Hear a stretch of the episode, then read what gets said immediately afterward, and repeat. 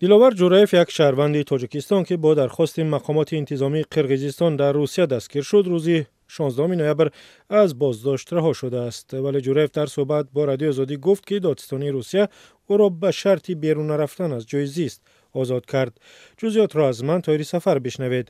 диловар ҷураевро 8 ноябр дар шаҳри новосибирск дастгир карданд ӯ шаш моҳ боз мавриди пайгарди қирғизистон буд ва мақомоти ин кишвар мехоҳанд русия ӯро барои муҳокима ба бишкек бисупорад бо ин дархост диловар ҷураевро чанд бор дар русия барои бозпурсӣ муддатҳои кӯтоҳе боздошт карданд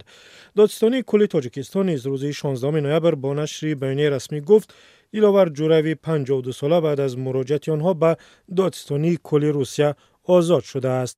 دلاور جرایف پس از رها شدن از بازداشتگاه در صحبت با رادیو آزادی گفت که نزد فرزندانش گردی دستورخوان نشسته است و افزود رهاییش پایان کار نیست چون دادستانی او را به شرط بیرون رفتن از جای زیست آزاد کرده است. دلاور جرایف همچنین گفت امروز من پرکراتور اومدم موضوع داد هر دوشه گرفتم. خب خونه اومدم. خدا شکر من از سن دستور خونه نشتیم بچه هم دو ما جوره هم هم دادستانی تاجیکستان از مقامات روسیه سار سپاس کرده است که درخواست آنها را نادیده نگرفتند.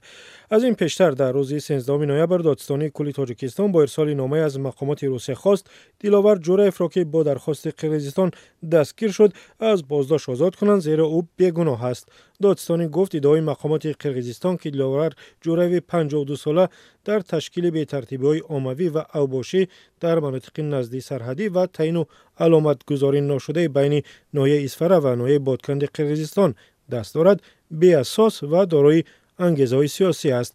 بیانیه‌های دادستانی کل بعد از آن نشر شد که اداره وکالتداری حقوق انسان در قرقیزستان با مراجعت به امید بابازاده امبودسمن تاجیکستان از او تقاضا کرد تا نگذارد حقوق شهروندان بازداشت شده قرقیز در تاجیکستان پایمال شود. در نامه رسمی که روز 11 نوامبر از اداره امبودسمن قرقیزستان به تاجیکستان فرستادند سخن درباره سید احمد دورتیقوف و نومان سمدوف دو شهروند قرقیزستان می‌رود که ماه سپتامبر مرزبانان تاجیک دستگیر کردند.